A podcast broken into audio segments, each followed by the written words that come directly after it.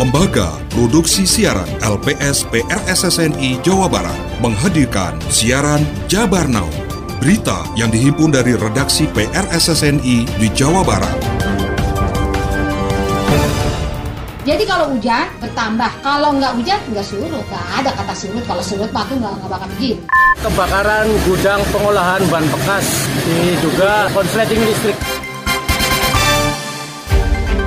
Jabar Now hari ini menyajikan sejumlah informasi di antaranya 33 rumah di Kelurahan Durenjaya, Bekasi Timur sudah enam bulan tergenang banjir dan belum juga surut. Pabrik pengolahan ban bekas di Cirebon ludes terbakar Senin pagi. Polisi amankan 14 pelaku pengedar narkoba lintas daerah.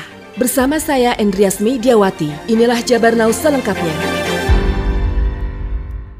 Sebanyak 33 rumah warga di Gang Cue RT 2 dan 6 RW 1 Kelurahan Durenjaya, Bekasi Timur, Kota Bekasi sudah enam bulan tergenang banjir dan belum juga surut. Laporan disampaikan PR SSNI Korwil Karawang. Belasan rumah warga sudah kosong ditinggal penghuninya. Sebagian besar warga masih bertahan di rumahnya meski hampir tiap hari hidup berdampingan dengan genangan air yang kotor, hitam, dan bau. Salah satu warga kampung Cue, Lia, mengaku banjir yang terjadi sudah dua tahun ini mengakibatkan aktivitas warga terganggu. Ia meminta agar Pemkot Bekasi segera menyelesaikan persoalan banjir tersebut.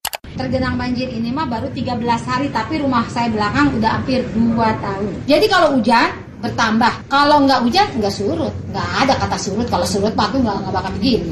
Sementara itu, Kepala UPTD Pengelolaan Jalan Jembatan dan Saluran, Dinas Bina Marga Sumber Daya Air Kota Bekasi, Suwadi mengatakan genangan air tersebut karena saluran tersumbat sampah sehingga air macet dan tidak bisa mengalir. Pihaknya melakukan langkah jangka pendek dan panjang di antaranya pompanisasi dan merevitalisasi saluran air dari Gang Cue sampai ke saluran sekunder Rawa Baru yang panjangnya sekitar 200 meter. Kalau untuk wilayah Gang Cue itu pertama dia merupakan cekungan. Sepanjang saluran dari Gang Cue menuju SS Rawa Baru itu adalah kondisinya tertutup. Jadi kita agak kesulitan untuk melakukan normalisasi.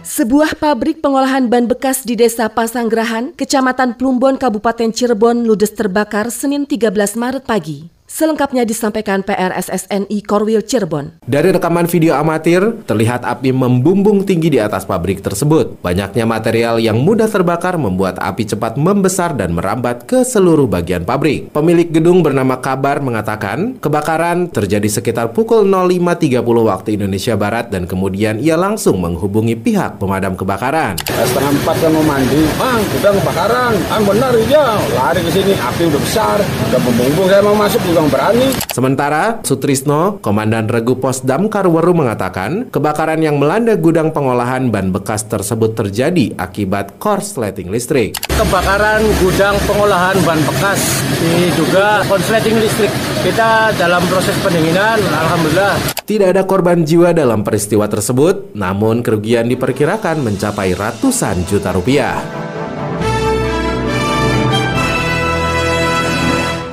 Info Pemilu Info Pemilu Persembahan PRSSNI Jawa Barat Badan Pengawas Pemilu Bawaslu Kabupaten Pangandaran temukan indikasi pelanggaran dan tidak sesuai PKPU dalam pelaksanaan coklit di wilayah Kabupaten Pangandaran. Selengkapnya dilaporkan PRSSNI Korwil Priangan. Ketua Bawaslu Pangandaran Iwan Yudiawan mengatakan pelaksanaan coklit hampir semuanya tak sesuai aturan, di antaranya tidak ditempelnya tanda coklit. Menurutnya, Bawaslu kini melakukan saran perbaikan kepada KPU Pangandaran atas temuan itu, termasuk terkait penempatan TPS yang dianggap Bawaslu dapat menimbulkan berbagai permasalahan nantinya paling dominan juga saran perbaikan penataan TPS. Salah penempatan TPS lah. Jadi betul-betul tertata pertama potensi terkait partisipasi masyarakat dalam menggunakan hak pilihnya. Yang kedua potensi juga untuk terjadinya mobilisasi massa oleh peserta hmm. pemilu. Hampir seluruh kecamatan kami memberikan saran perbaikan terkait hasil pengawasan coklat itu sendiri. Ya. Dan KPU hmm. juga cukup kooperatif lah ya hmm. sampai hari ini.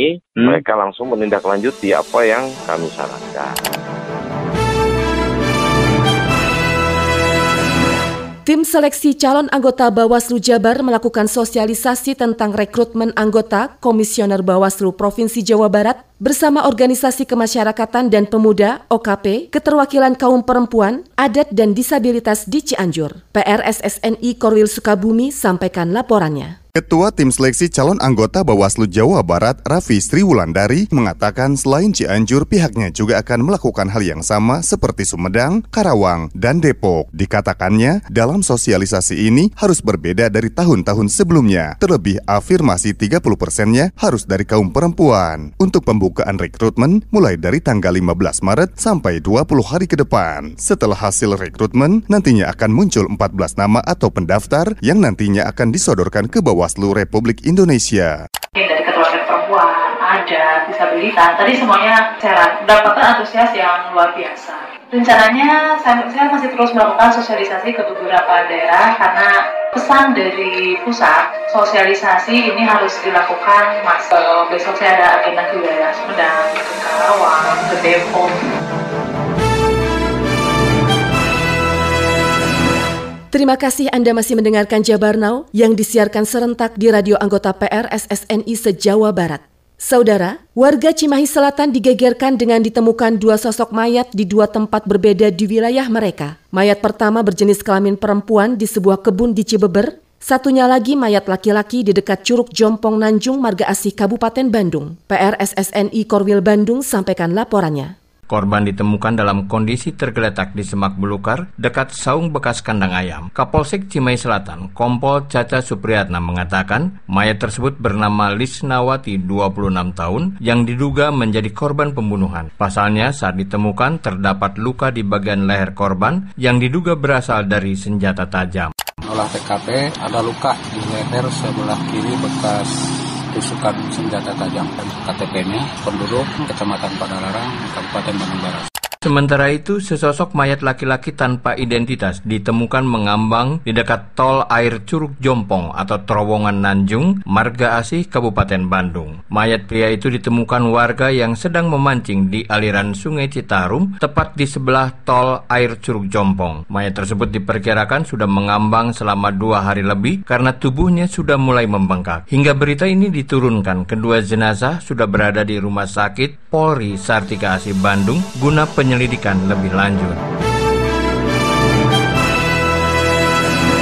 Sebanyak 14 pengedar narkoba, tiga di antaranya residivis, diamankan Sat Narkoba Polres Bogor. Para pelaku diamankan dengan barang bukti 0,54 kg sabu siap edar. PRSSNI Korwil Bogor melaporkan. Para pelaku ditangkap saat akan mengedarkan barang haram tersebut di wilayah Bogor dengan modus sistem tempel dan cash on delivery atau COD. Dari tangan pelaku, petugas berhasil mengamankan 0,54 kg sabu siap diedarkan, sejumlah uang tunai serta gawai. Kasat Narkoba Polres Bogor AKP Muhammad Ilham mengatakan ke-14 pelaku ini diamankan saat mengedarkan sabu dengan ratusan paket seberat setengah kilogram. Para pengedar lintas wilayah ini jaringan Kabupaten Bogor, Banten, dan Bekasi. 14 orang tersangka. Disita barang bukti ratusan paket sabu 278 paket dengan berat setengah kilogram lebih.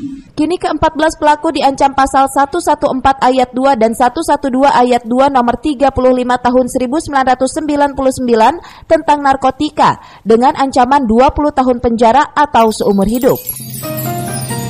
Terima kasih. Anda telah menyimak siaran berita Jabar Now yang diproduksi oleh Lembaga Produksi Siaran LPS PRSSNI Jawa Barat.